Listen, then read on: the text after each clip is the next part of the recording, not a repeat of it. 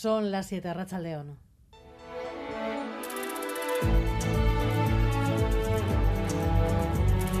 Gambara con Arancha García. Pedro Sánchez ha reconocido por primera vez que está negociando la amnistía con los independentistas catalanes, aunque eso sí haya sido sin mencionar la palabra. Estamos negociando. Cuando el gobierno de España aprobó los indultos, yo tenía una confianza. Hoy tengo la certeza de que fue una buena decisión. Por tanto, estamos negociando y cuando tengamos una posición concreta al respecto, fijaremos la posición.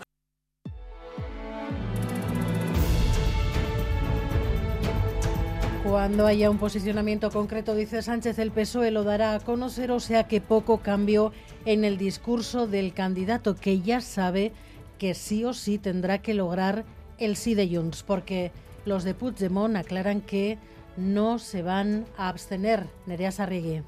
Sí, dejan eh, claro que el voto de sus siete diputados será decisivo en la investidura de Sánchez. Solo contemplan dos opciones, votarán sí o no. Descartan la abstención para cerrar la puerta a la vía que planteaba hoy mismo Coalición Canaria. El sí de su única diputada haría que el de Junts no hiciera falta siempre que los de Puigdemont se abstuvieran. Pues esa posibilidad queda eliminada. El voto de Junts será sí o no.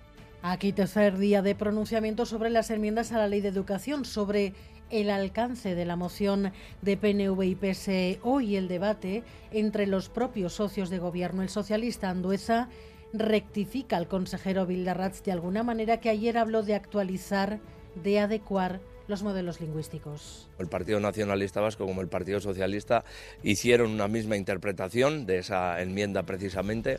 No sé, quizá el que haya hecho una interpretación errónea haya sido el propio consejero. En cualquier caso, ayer incluso el propio Lendakari en una comparecencia coincidía en su interpretación también con la versión que habíamos dado tanto el Partido Socialista Euskadi como el Partido Nacionalista. Y tenemos que hablar también de un nuevo ataque con pintadas contra el monolito que recuerda a Fernando Buesa y Jorge Díez Ainhoa Iglesia, Rachaldeón. Sí, a Rachaldeón, desconocidos han pintado de negro la placa del monolito que recuerda al líder socialista Fernando Buesa y su escolta, el erchaña Jorge Díez, asesinados por ETA hace 23 años. El Andacari Urcullo ha denunciado en redes este suceso inaceptable. Afirma que a algunos les queda mucho camino por hacer. El líder de los socialistas vascos, Eneco Andueza, también condena esta obra de fanáticos. E incluso la portavoz de Euskal Herria Bildu en Vitoria-Gasteiz, Rocío Vitero, ha expresado en redes el más profundo rechazo de su formación al ataque y añadía, esta actitudes están totalmente fuera de lugar, solo profundizan en el sufrimiento y dificultan la construcción de la convivencia democrática. Operarios municipales ya han limpiado la pintura. En Granada, la cumbre europea que tiene que definir su gran ampliación al este. Mañana consejo, hoy reuniones bilaterales. Amaya Portugal, enviada especial. Arrachaldeón. A sí, casi 50 líderes europeos están llegando a estas horas a la Alhambra para la cena de gala de esta tercera cumbre de la Comunidad Política Europea. Con las ausencias del turco Erdogan y el azerí Aliyev, el presidente ucraniano Volodymyr Zelensky ha sido el protagonista absoluto del día, que ha aprovechado para apelar al resto de líderes europeos para que ayuden militarmente a Ucrania más si cabe. Si no quieren tener que dar clases a los niños en las estaciones de metro, como hacen algunas ciudades de Ucrania, dice Zelensky. Are there enough underground stations in your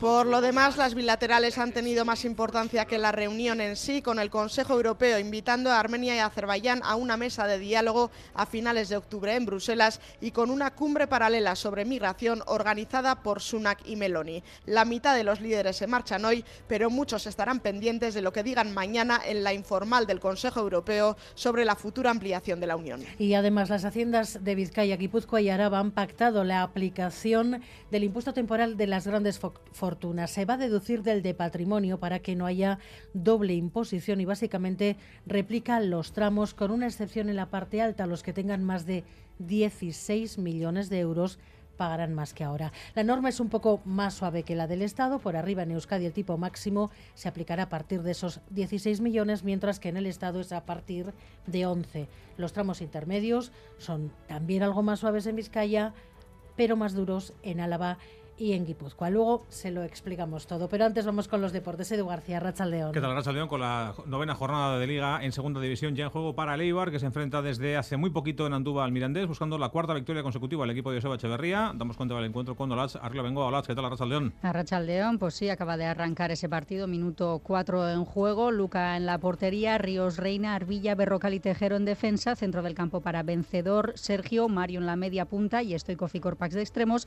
y por delante de todos en posición de ataque Bautista. Objetivo de Leidar, de Leibar, sumar la cuarta victoria consecutiva por ahora 0-0 en el marcador. Gracias, Olas. A partir de las 9 y media, el Amorebieta va a visitar a Malata para jugar contra la Ferrol. Una Amorebieta que solo ha sumado un punto fuera de casa y un conjunto gallego que de momento en su estadio está invicto en lo que va de competición.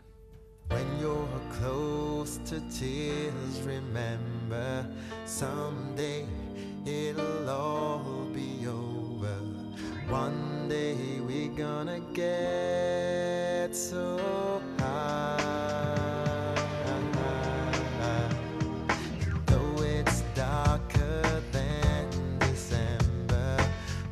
El noruego Jon Fosse es el nuevo premio Nobel de Literatura, prolífico autor de cuentos, novelas, libros infantiles, ensayos y traducciones.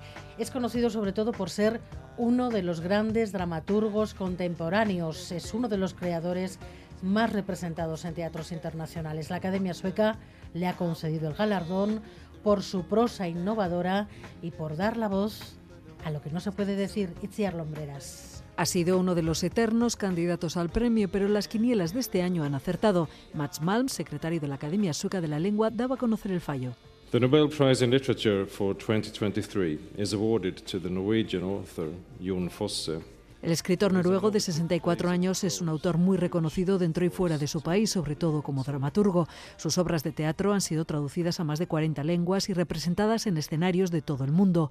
Anders Olsson, miembro de la Academia Sueca, subrayaba su prosa y sus obras de teatro innovadoras al argumentar la decisión del jurado.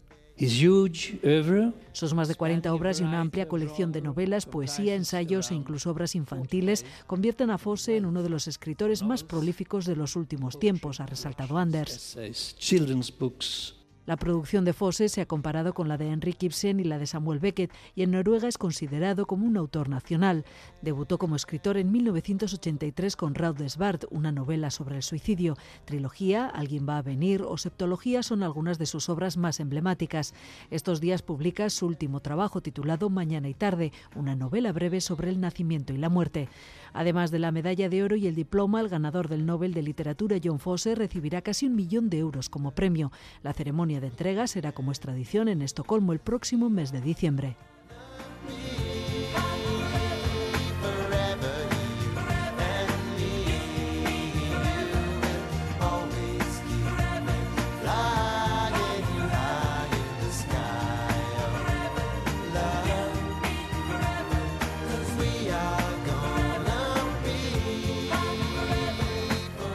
Arancha Prado y Alberto ya están en la dirección técnica, Cristina Vázquez en la producción.